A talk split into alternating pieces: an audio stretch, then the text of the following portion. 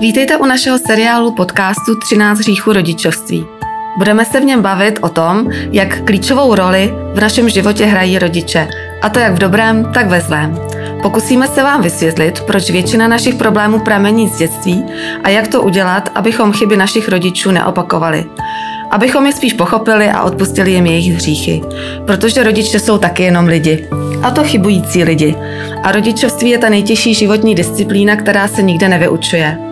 Vždycky to budou naši rodiče a my jejich děti a na tom se prostě nic nezmění, ať je nám pět nebo padesát. Já jsem Monika Mudranincová a mým hostem u mikrofonu je psychoterapeut Martin Zikmund. Martina jsem si pro tento podcast vybrala, protože se tomuto tématu věnuje na každodenní bázi, má spoustu příkladů ze své psychoterapeutické praxe, pomáhá klientům měnit jejich nevědomé vzorce a napravovat hříchy jejich rodičů. Martin je také pravidelným externím autorem Merien, takže se dobře známe a proto si budeme v rozhovorech tykat. Hned na začátku vás ale chci varovat. Tohle povídání bude vzbuzovat emoce a nebudou vždycky pozitivní. Budeme se dotýkat i vašich niterních pocitů a vzpomínek, na které možná chcete zapomenout. Ale nebojte se, my se určitě dobereme šťastného konce.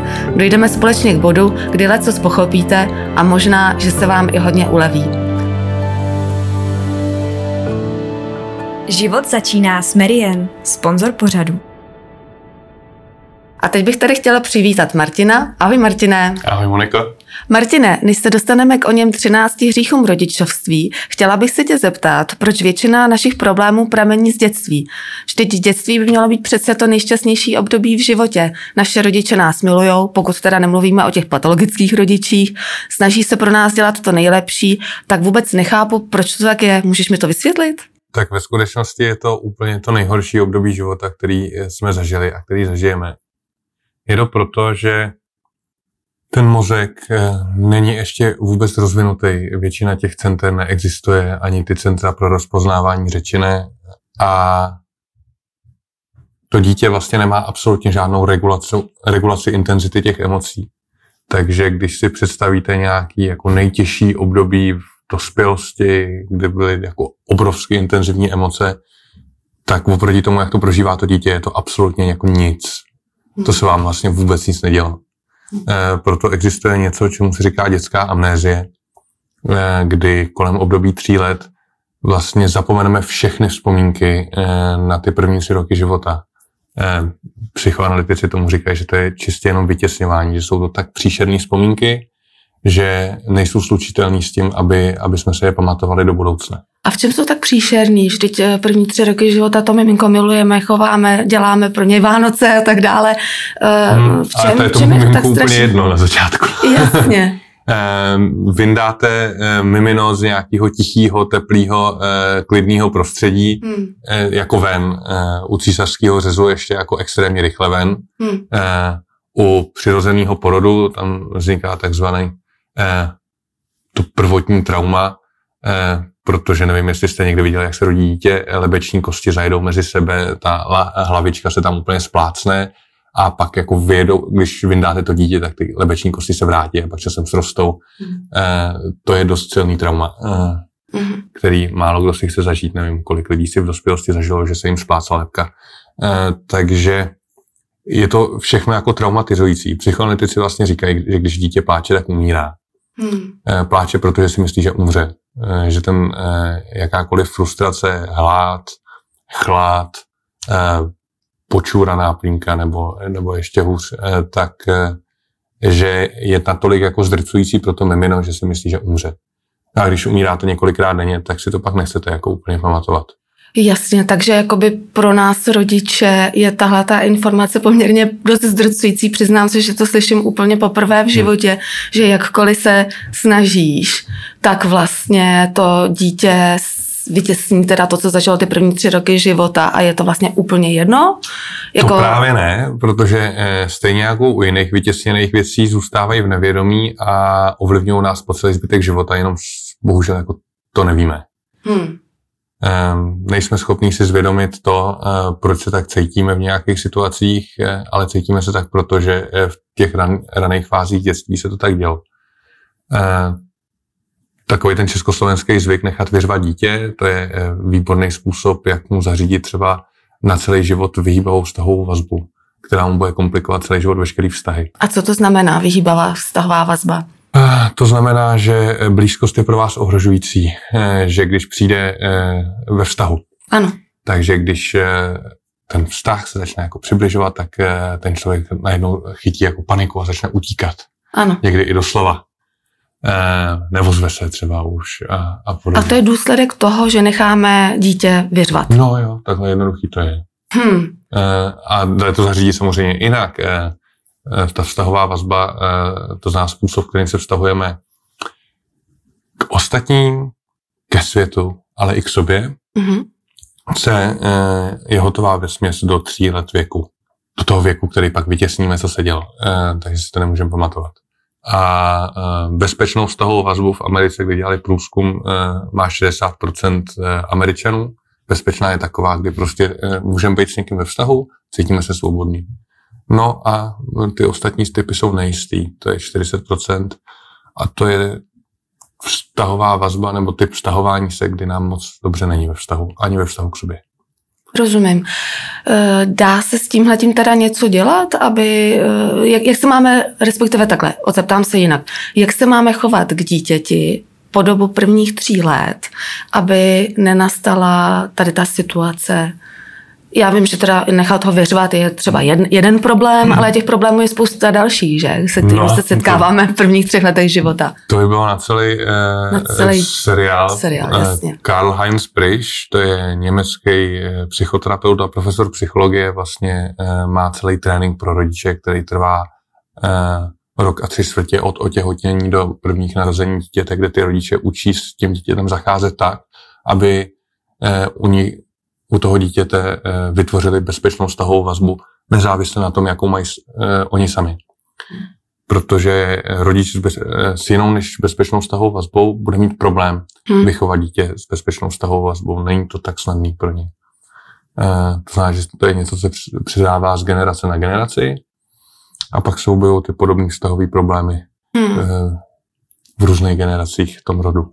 Já vím, že jsi říkal, že by to vydalo na celý seriál, ale můžeme třeba zjednodušeně říct, že abychom vychovali šťastné a spokojené dítě, které povede, dejme tomu, nějaký jakoby uspokojivý život pro něj, že je potřeba ho bezpeč, bezpodmínečně milovat, bezpodmínečně přijímat. Je to třeba takhle jednoduchý? No, ve jsou jako dvě věci, co to dítě potřebuje, kromě nějakého jídla, těch drobností. Drobností říkám záměrně, protože to, co opravdu potřebuje, je bezpodmínečná láska, bezpodmínečný přijetí. Nic Co to víc. znamená? A co to znamená? No, eh, bezpodmínečná láska znamená, že to eh, dítě milujeme bez podmínek, ať je jakýkoliv, i když zlobí. Ale milujeme tím stylem, že to dítě to vnímá. Mhm. Eh, Ne jako, že si to říkáme, nebo mu to říkáme, když mu dáváme na prdel, ale když to jako opravdu vnímá, že ho bezpodmínečně milujeme. A bezpodmínečný přijetí si spousta rodičů zaměňuje za bezpodmínečný souhlas.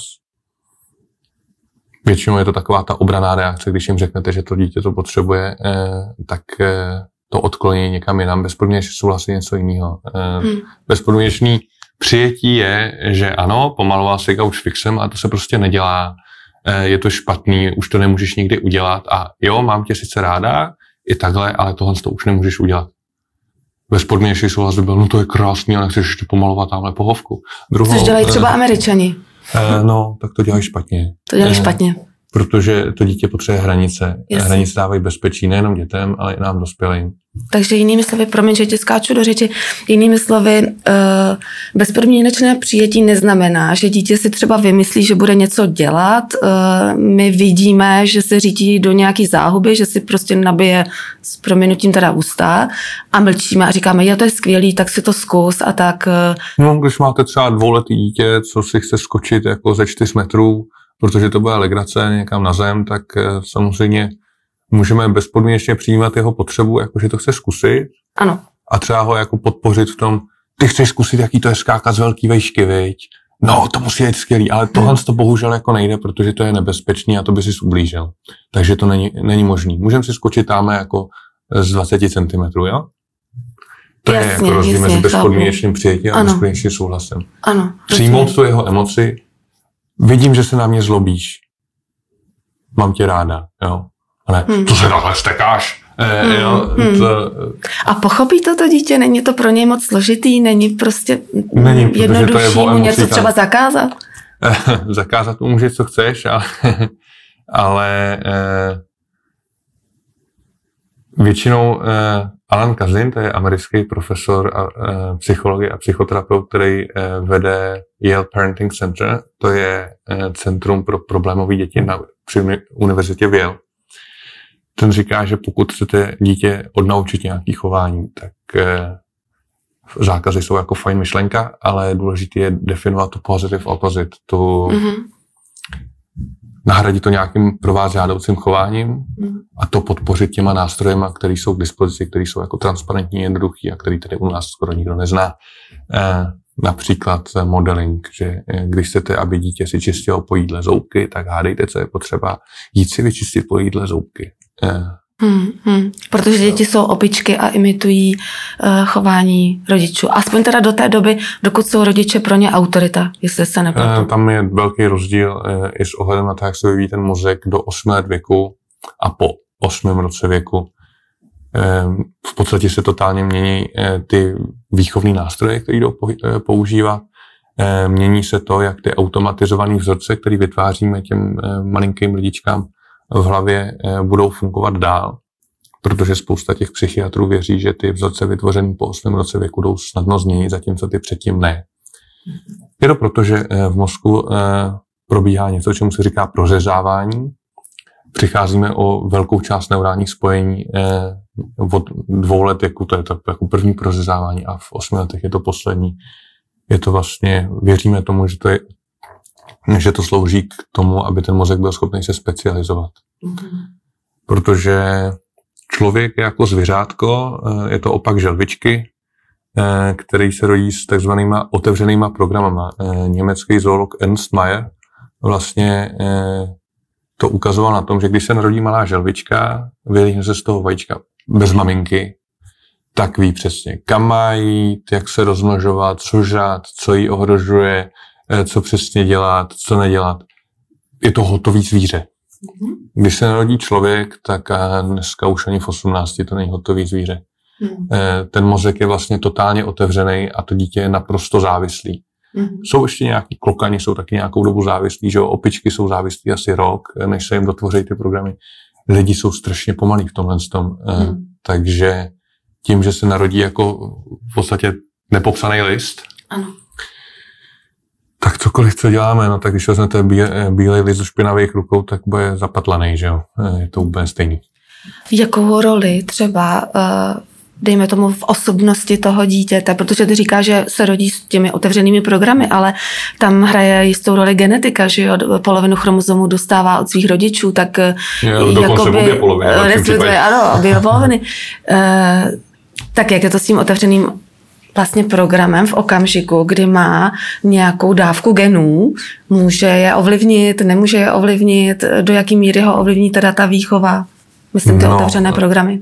Sonia Lubomirsky, to je taková americká psycholožka, věří, že 50% toho, jak se cítíme, je daný geneticky. Ty geny mají eh, vliv eh, na eh, to, jak vypadá ta struktura toho mozku, jak vypadá, jestli to dítě bude malý, velký, to taky ovlivňuje tu psychiku, že jo. Silný, slabý, tlustý, tenký, široký, bystrozraký. Eh, pak je spousta genetických vad vrozených, který eh, ty nemoci vrozený taky ovlivňují nějakým způsobem tu psychiku. A co je daný geneticky, je velikost té amygdaly, to je součást mozku, která vyhodnocuje to ohrožení. No a pak nějakých 10% přičítá tomu, co se, co se nám v životě jako děje a 40% tomu, co pak děláme sami. A je to proto, že ano, my máme v DNA ledas co, ale ty eh, geny, který nesem, se nemusí projevit, nemusí dojít k, jej, k jejich expresi. Což je pozitivní zpráva třeba u těch eh, geneticky daných mutací, které způsobují rakovinu, jako jsou BRCA mutace, oni se nemusí projevit. Ano. Stejně tak se nemusí projevit spousta jako věcí v těch genech. Stejně tak eh, eh, se vám může narodit eh, černoušek, i když jste oba dva bílí, protože děda byl eh, černoch a rodiče byli bílí, tam se to neprojevilo, jo? Až tak, tak to je úplně stejný případ. Mhm. Jo? Eh, A pak samozřejmě jsou dominantní a recesivní alely podle, podle toho, co přijde od maminky, od tatínka. Ale genetika jako je důležitá, ale není samospásná. Hmm, hmm, hmm. Já bych se ještě vrátila k tomu, jak jsi uh, říkal, že je důležitá ta bezpodmínečná láska a přijetí a vlastně vysvětlování tomu dítěti, proč třeba něco by nemělo dělat. Já mám s tím letím trošku špatné zkušenosti třeba v ohledu ke své dceři, která je teď 23 let. Uh, ona úplně strašně nesnáší takový ty nevyžádaný rady takový to, já už jsem se i odnaučila říkat, já to s tebou myslím dobře, já to neříkám, jenom třeba řeknu, a nemyslíš, že by bylo lepší něco? No, taková manipulativní technika. Ale, že? já vím, ale, že to eh, dělám. Její 23 si říkala, 23. Ne? To už je trošku starší než 3. Dobře, ale tak OK, dělala jsem to, ale i když byla menší a snažila jsem se nemanipulovat, ale vlastně ty se pochopitelně snažíš to dítě chránit, nějakým stylem ho uh, směřovat, uh, no, což je asi špatně, když tak na tebe koukám, jak se teď tváříš. Uh, ne, uh, vlastně to dítě, když jako bavíme se, do 23, to už při vší ústě vlastně uspělá ženská, ale Eh, ale, to dítě, eh, to tříletý třeba my ho vlastně jako musíme manipulovat, to je, my hmm. za něj zodpovídáme. To. Dítě má jedinou jako úlohu a to je být dítě a hrát si. Hraní hmm. je mimochodem extrémně důležitý eh, pro jeho sebevědomí. Hra v tom zoologickém slova smyslu má nějaký parametry, Většina, většina rodičů to dělá automaticky, aniž by to věděla. Hrajou si i jiní savci, psy, krysy, když, si, když, krysy, když jim krysám zakázali si hrát, ne, že by za nimi přišli a řekli, teď si nebudete hrát dneska, ale když jim zakázali si hrát, tak druhý den si hráli dvakrát tak dlouho. Malý krysy. A jak si hrajou krysy? Stejně jako my. Eh, eh, hra má nějaký tři parametry. Musí to být eh, činnost, při které dochází ke ztrátě kontroly nad tělem. Takže to si asi vybaví třeba skluzavku, že? Jasně. E, musí to být činnost, která je opakovaná, mm-hmm. proto ty děti furt běhají do skluzavku furt, furt dokola, jo, jo, díky bohu za libovolnou skluzavku v zoologické zahradě. A za třetím musí to být legrace, mm-hmm. což eh, někdy může zajišťovat ten rodič, že jo? když takový to házení si dětí nad hlavu. E, teda, Což je mimochodem dost nebezpečné. E, rozdíl, jestli to hodím, jako třeba, že se boukne o strop, nebo, eh, nebo jestli ho celou dobu držím, jo? ale, ale eh, pro to dítě je zásadní, jestli se u toho směju. Mm-hmm. No a tahle ta hra má, ukazuje se velmi zásadní vliv pro sebevědomí eh, v budoucnu. Čím častěji si ty děti hrajou v tomhle biologickém slova smyslu, v tom ztráta kontroly, opakovaná činnost randa, tím sebevědomější jsou, protože se vlastně učí podle těch zoologů, že ztráta kontroly nad tím tělem není problém. Aha. Že, se, že když se mi všechno, se bezpečně. Když se mi vymkne, vymkne všechno jako s, s rukou a, a všechno se jako hroutí, tak pak to zase bude dobrý. To je vlastně to, co si zažívají tou hrou. Jasně, rozumím. No a děti si potřebují hrát jak takhle, v tom zoologickém slova smyslu, tak prostě zkoumat, explorační chování se tomu říká v psychoanalýze. Potřebují jako zkoumat nové věci. Mají prázdný papír a potřebují něčím zaplnit. Mm-hmm. K tomu potřebují bezpečí. Eh, bezpečím dává bezpodmínečná láska a přijetí těch rodičů nebo primární pečující osoby, protože eh, na západ od našich hranic to obvykle nejsou rodiče biologický, kdo vychovává děti a někdy je to tak dobře. Jak to myslíš? Tak, jak to říkám. Eh, když máš maximálně 6 měsíců mateřský třeba ve Francii nebo 6 týdnů ti drží pracovní místo třeba ve Spojených státech, ano. Jako dvouletá mateřská je zajímavý koncept a dost unikátní. Hmm, tak, nás je čtyřletá. Ne, nebo eh, dokonce, jo, ale na západ od nás je to šest měsíců. Ano. Tak oni tam mají ale systém, třeba v té Francii, kdy, kdy mají prostě profesionální jesličky, kde jsou profesionální pečovatelky, ty vychovali desítky dětí, eh, hmm. která ženská dneska vychová desítky dětí. E, mají bezpečnou vztahovou vazbu, procházejí si nějakýma testama, školeníma, a ty tam odevzdáš to dítě a, a, a oni se o něj starají tak, jak je to pro něj nejlepší podle těch vědeckých zjištění a studií. A když se podíváme, jak vypadá vzorek francouzské populace a české populace, eh, asi se jim nedaří tak špatně. Eh, ty země, které mají takhle, tenhle koncept krátkou mateřskou, Německo, Francie, Británie, Spojené státy, tak, si, tak se jim daří docela jako ekonomicky dobře. Vím, že teď trošku možná odbočím, ale existují třeba nějaké výzkumy na to, eh, které by zjistily, jestli dítě je na tom psychicky lépe, když je čtyři roky doma s maminkou českou, a nebo teda s paní v jesličkách ve Francii? No, jako ty jsi mluvil o té ekonomické zkoumat, stránce, ale myslím o té psychické stránce. Kdybys to chtěla zkoumat, tak musíš rozdělit eh, jednovaječný dvojčata a jedno poslat od maminky pryč do Francie. To nevím, kolik lidí by se toho výzkumu, výzkumu chtělo jako účastnit, takže mm, není, není takovýhle výzkum. Hmm. Důležitá je ta primární pečující osoba, ta je v těch jeslích stabilní, Mm-hmm. Na té mateřský to taky stabilně bývá jako matka, nebo někdy už otec na té rodičovský, že ještě to je mhm. prostě není ten název té dovolené to není dovolená. Hmm, ale, ale to dítě vyžaduje vlastně jako neustálou pozornost té eh, primární pečující osoby. Pozornost je tím, eh, to, čím děti platíme.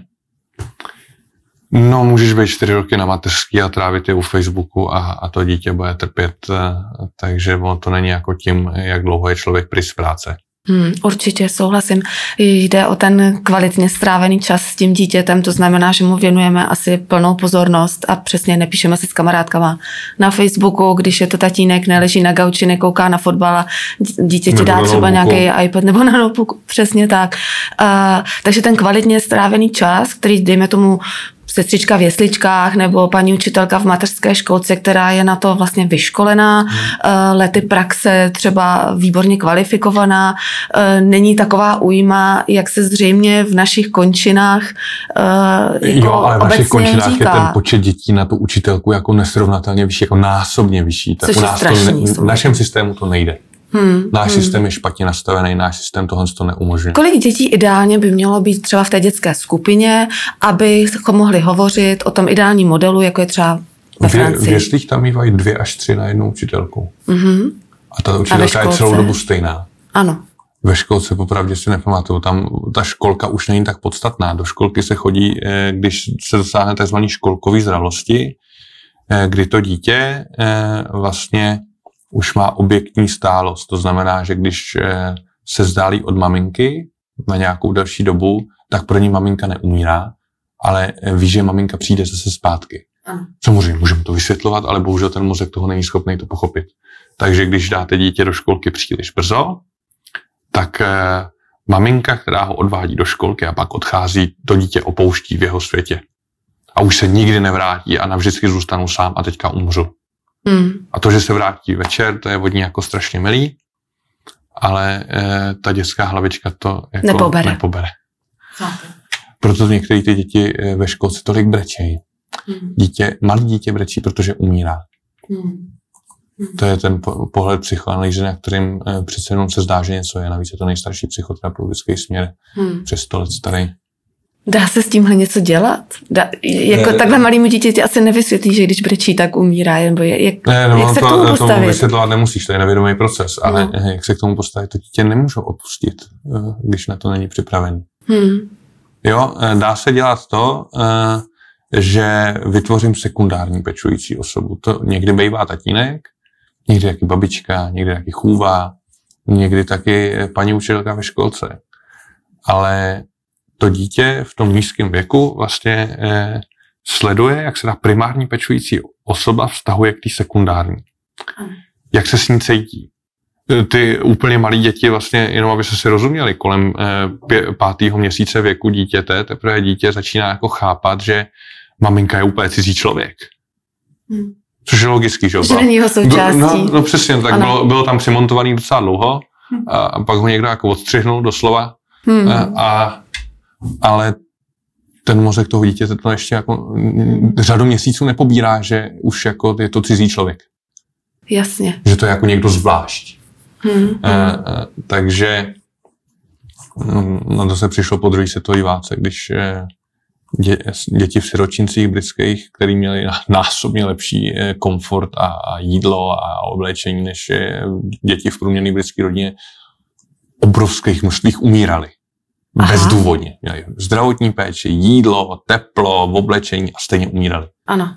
Eh, říká se tomu hospitalismus. René Spitz vlastně eh, tím byl pověřený, aby to zkoumal.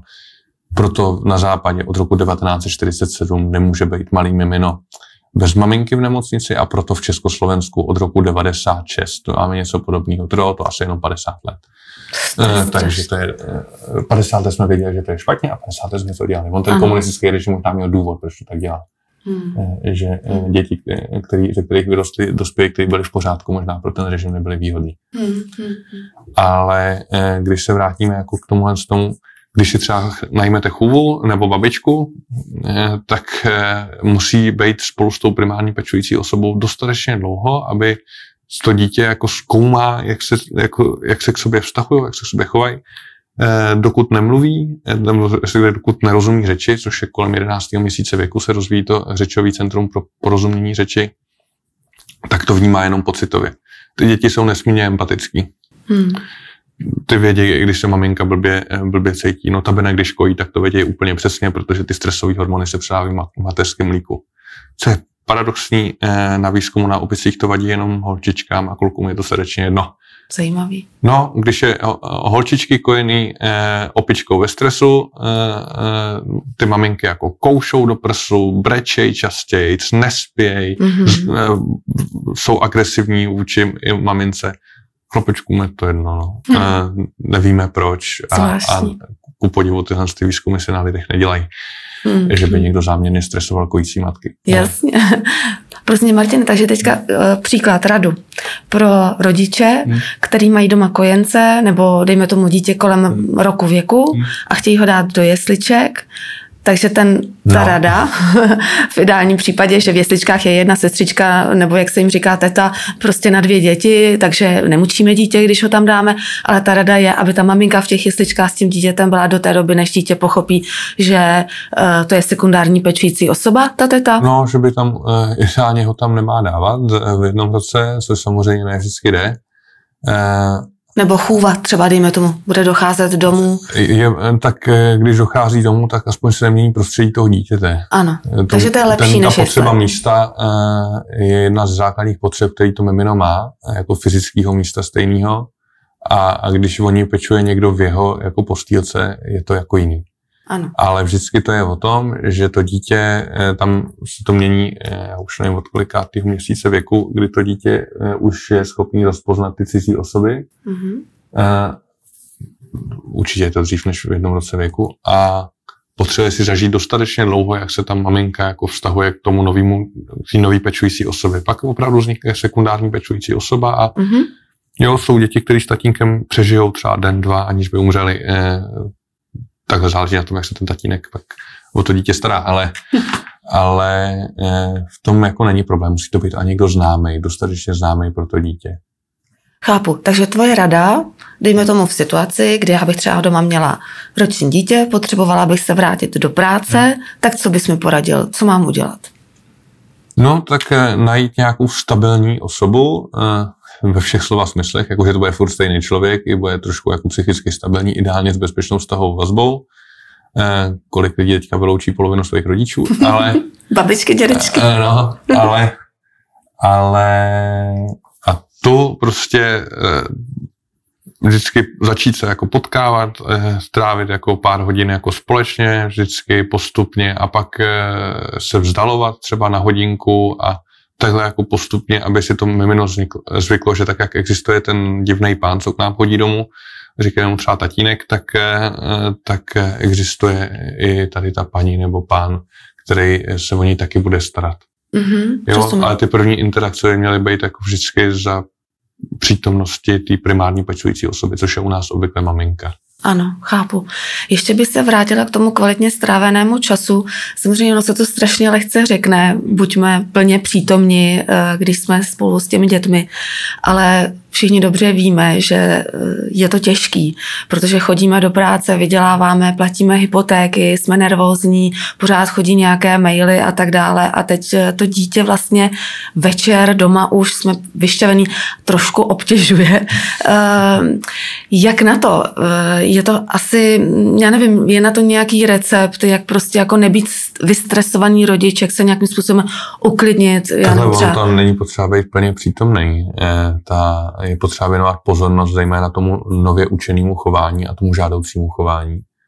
A naopak pak existuje něco jako planned ignoring, eh, plánovaný ignorování, za žádnou cenu nevěnovat pozornost tomu nežádoucímu chování. To jsou takový ty rodiče, co když dítě má záchvat někde v obchodě nedostane zmrzlenku, tak ho odmění půl hodinou pozornosti, že tam nad ním stojí a koukají, jak mu to hezky jde, dokud, dokud nevomdlí z toho, a z to je toho špatně. brečení. No to je samozřejmě špatně, to je podporování žádou, nežádoucího chování. Ano. A co by teda člověk měl udělat v takovém případě, když už se na tohle narazil, Eh, což je dost běžný? Řešení těch záchvatů, které jsou opravdu jako běžný, jsou, jsou, projde si tím téměř každý dítě. U některých si toho téměř ty rodiče nevšimnou, protože to uděláš správně. Hmm. Eh, nevěnovat tomu pozornost. Jo, Ale to je to, co jsi říkal před chvilkou. Nevěnovat tomu pozornost. No nevěnovat tomu pozornost. Když on má zá- záchvat, tak hele, eh, my musíme jít nakupovat, tak eh, budeme tamhle u pokladen, jo? Tak papa. A on tam leží a mlátí On tam leží v tu nožičkama jako asi tak 10 chrobáček. sekund, pak se zvedne, a zjistí, že rodiče jsou pryč a běží za nima a je po problému. Eh, Ale když tam nad tím rodič stojí jako půl hodiny a říká, no nemůžeš dostat zmrzlinku a bla, bla, bla a neřvi tady a kde si co si a to dítě vlastně podporuje v tom řvaní, Hmm. protože mu věnuje pozornost. Ano. To je jako... Tak, Bez eh, obecenstva není zábava prostě, takže to, to je a jako v práci, když vám někdo bude dávat peníze za to, že sedíte eh, na židli a houpete se, máte nohy eh, na stole a kopete se do zadku, tak to budete jo dělat takhle dál. Ty lidi z toho nikdy nevyrostli. Jako. Ano. Akorát, že mě na dětí je pozornost primární a sekundární pečující osoby. To zná obvykle rodičů. Hmm. Mě by zajímalo, jestli jsi se někdy ve své praxi setkal s ideálními rodiči. S rodiči, který by si prostě dal někam do vitríny a řekl, teď se na ně všichni podívejte, to jsou ty, co to zvládli. Ale to se nikdy nedozvíme, jestli jsme to zvládli. To se No. dozvíš až podle toho, Na smrtelný jestli, posteli možná. Ani tam ne. E, dozvíš se to z takových jako nepřímých náznaků, jestli to dítě pak je u dospělosti, že je spokojený život a má hezkou rodinu a hezký vztahy. Hmm. E, zažil jsem rodiče, co dávali jako maximum bezpodmínečné lásky a bezpodmínečného přijetí a pozornosti jako těm dětem. A ty děti jako se rychleji rozvíjely, což jako je tam je přímá uměrnost mezi tou pozorností a tím rozvojem těch dětí a hlavně mezi dotykama, eh, který to dítě dostává v té rané fázi. Eh, Ale stejně jako každému dítěti rodiče posadou život a je to tak jako v pořádku, eh, protože kdyby, kdyby to tak neudělali, no tak eh, to ještě mlátíme kejema, protože eh, žádný děti by neměly potřebu dělat to líp než rodiče. jejich Mhm. ta, je to vlastně podmínka, ino, jakákoliv podmínka vzniku inovace je to, že musí existovat nutná potřeba dělat to líp. Nutná Ano. potřeba dělat to líp se stane tak, že my rodiče tak trochu posrali život. Ano. Jo? Mhm. To je vlastně eh, podmínka veškeré evoluce. Eh, Takže eh, je to jako úkolem rodičů pokazit těm dětem aspoň trochu život. A většina rodičů v tom uspěje. To je super. No já nevím, Martine, já myslím, že si asi nemůžeme přát lepší konec našeho prvního podcastu, protože když budeme končit tím, že já teda nebudu opakovat to hnusné zprosté slovo, ale když budeme končit tím, že většina rodičů zničí dětem život, tak si myslím, že to je dobrý odrazový můstek pro naše další díly, kde vlastně budeme probírat o něch 13 hříchů rodičovství ten příští díl bude na téma právě té podmíněné lásky, což je něco, na čem se eh, asi shodneme, že dětem ubližuje zřejmě úplně nejvíc. A to si zaslouží samostatný podcast, takže my se na vás budeme strašně moc těšit příště. Já, Monika Mudranincová a Martin Zikmund. Naschledanou. Naschledanou.